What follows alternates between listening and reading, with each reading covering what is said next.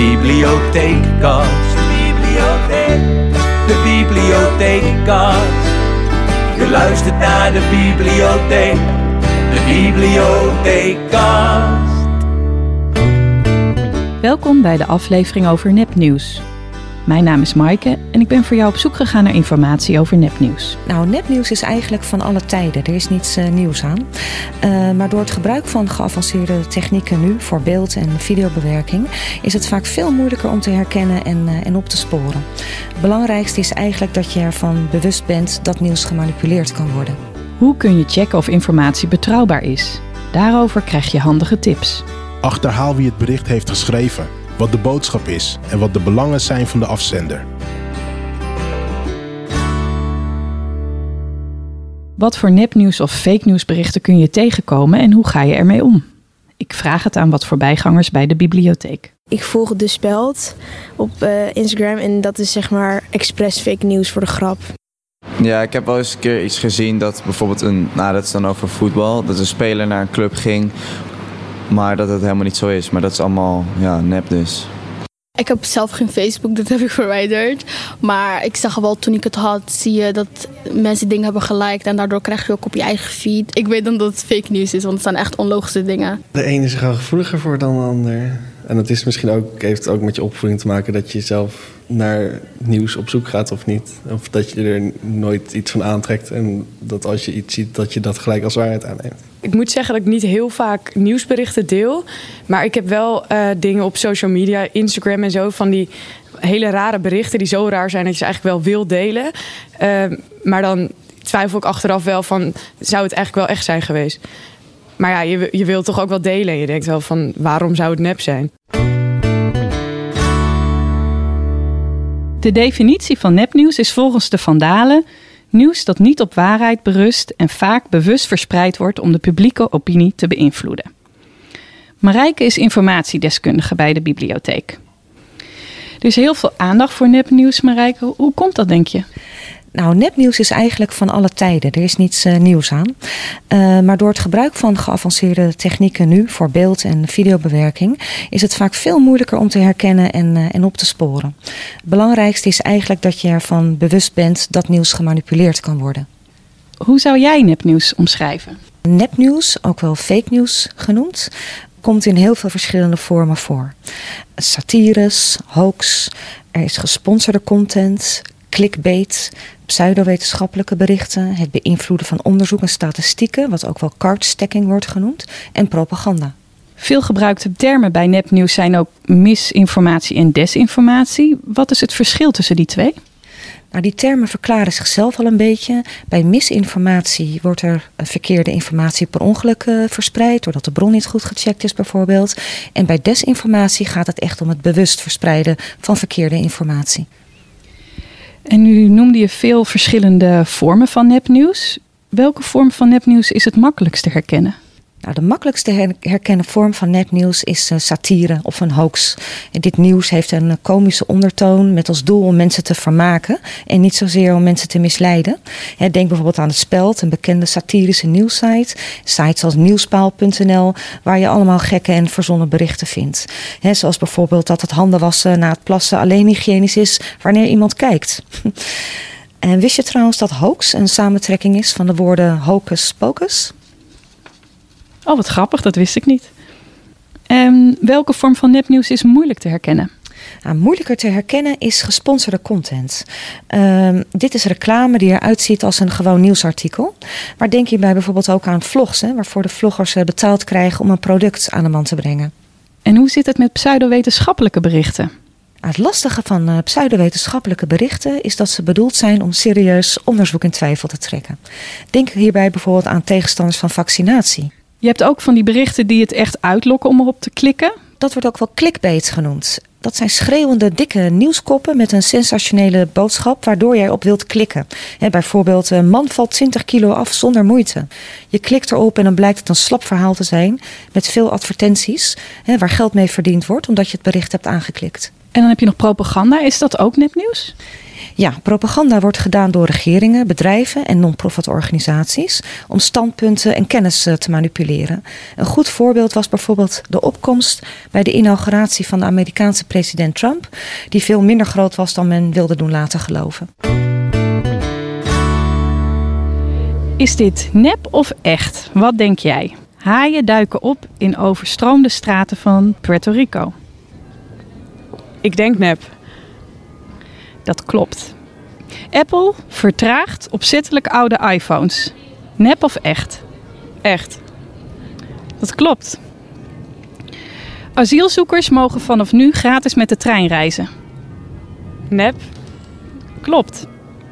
Straling van wifi is schadelijk voor de gezondheid. Klopt ook. Dit antwoord verklap ik nog niet. Zullen we dit bericht samen checken met een informatiedeskundige van de bibliotheek? Ja, is goed. Oké, nou kom maar mee. Hoi, ik ben Marijke. Hoi, ik ben Emmeline. Hoe oud ben je? Ik ben 16 jaar. Emmeline, wat denk je van, ehm, van dit bericht? Straling van wifi is schadelijk.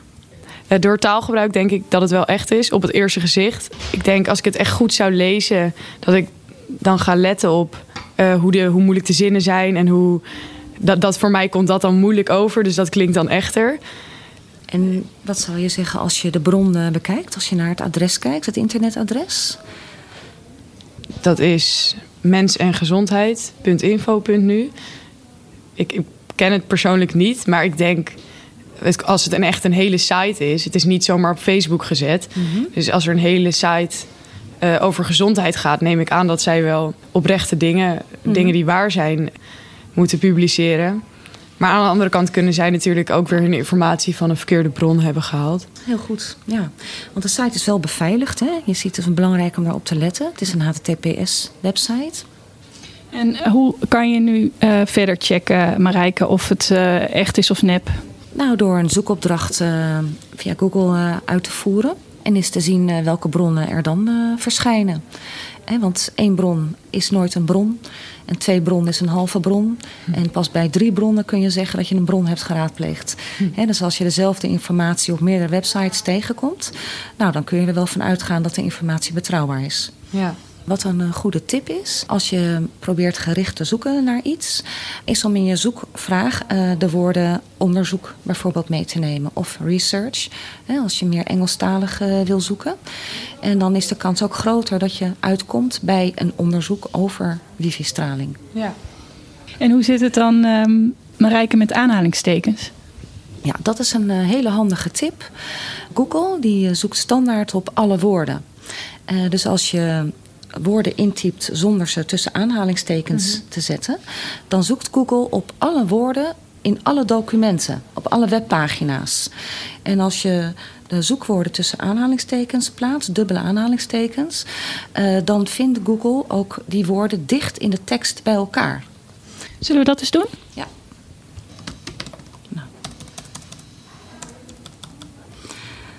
Kijk, dit is ook grappig. Ik kom nu een factcheck tegen van nieuwscheckers.nl. Ja. Nou, dat is eh, net als nu.nl, een website die zoals een bericht nou ja, heel erg veel eh, genoemd wordt en doorgestuurd wordt. En er komen, eh, ontstaat twijfel over. Dan gaan zij dat factchecken. zij, ze hebben die site dus echt in het leven geroepen om berichten te factchecken. Laten we daar eens even kijken. Er staat al hoax bij. En dus ze hebben het bericht als eh, onwaar Ja. eh, bestempeld. En dan zie je hier hoe ze dat uitleggen. Wat de bron van de bewering is. Nou, op dagelijkseweetjes.nl of Healthbites komt die voor. En waarom klopt dit niet? Dat noemen ze, ze zijn heel volledig. Hè? Dus ze noemen de oorspronkelijke bron en, en waarom het vervolgens niet klopt. En ze hebben contact opgenomen met mensen van het kennisplatform Elektromagnetische Velden en Gezondheid. En hier worden dan de onderzoeksresultaten die worden beschreven en eh, benoemd. En derhalve niet eh, waarschijnlijk eh, bevonden. En waarom verzinnen mensen of organisaties eigenlijk nepnieuws? Er zijn meerdere redenen waarom dit uh, aantrekkelijk is. om te stangen, om een grap uit te halen waar mensen intrappen. Dat is nog onschuldig. Uh, maar vooral ook omdat er goed geld mee te verdienen is. Uh, want kliks zijn geld waard en levert advertentieinkomsten op. En een andere reden om de beeldvorming te beïnvloeden is het benadelen en het toebrengen van schade aan mensen en groepen vanwege een politiek of ideologisch belang. Denk aan het bericht: asielzoekers mogen gratis met de trein reizen. En waar is nepnieuws te vinden? Nepnieuws is te vinden op vrijwel alle mediaplatforms. Van social media tot de meer traditionele media, zoals de grote landelijke dagbladen. Omdat nieuws snel gebracht moet worden, denk aan de clickbaits, en bronnen niet altijd goed gecheckt worden. Wat zijn de gevaren van nepnieuws? Als je iets voor waar aanneemt, terwijl dit uh, niet zo is, wordt het moeilijker om een afgewogen mening te vormen. Je gaat dan op basis van valse informatie keuzes maken die niet in je eigen belang zijn. Het vertrouwen in de media neemt af, ook van traditionele media, doordat je niet meer weet wie je moet geloven. Uiteindelijk kan het functioneren van de democratie in gevaar komen als burgers de informatie van de overheid en instanties niet meer vertrouwen. En daarom is het belangrijk om je ervan bewust te zijn dat die manipulaties plaatsvinden.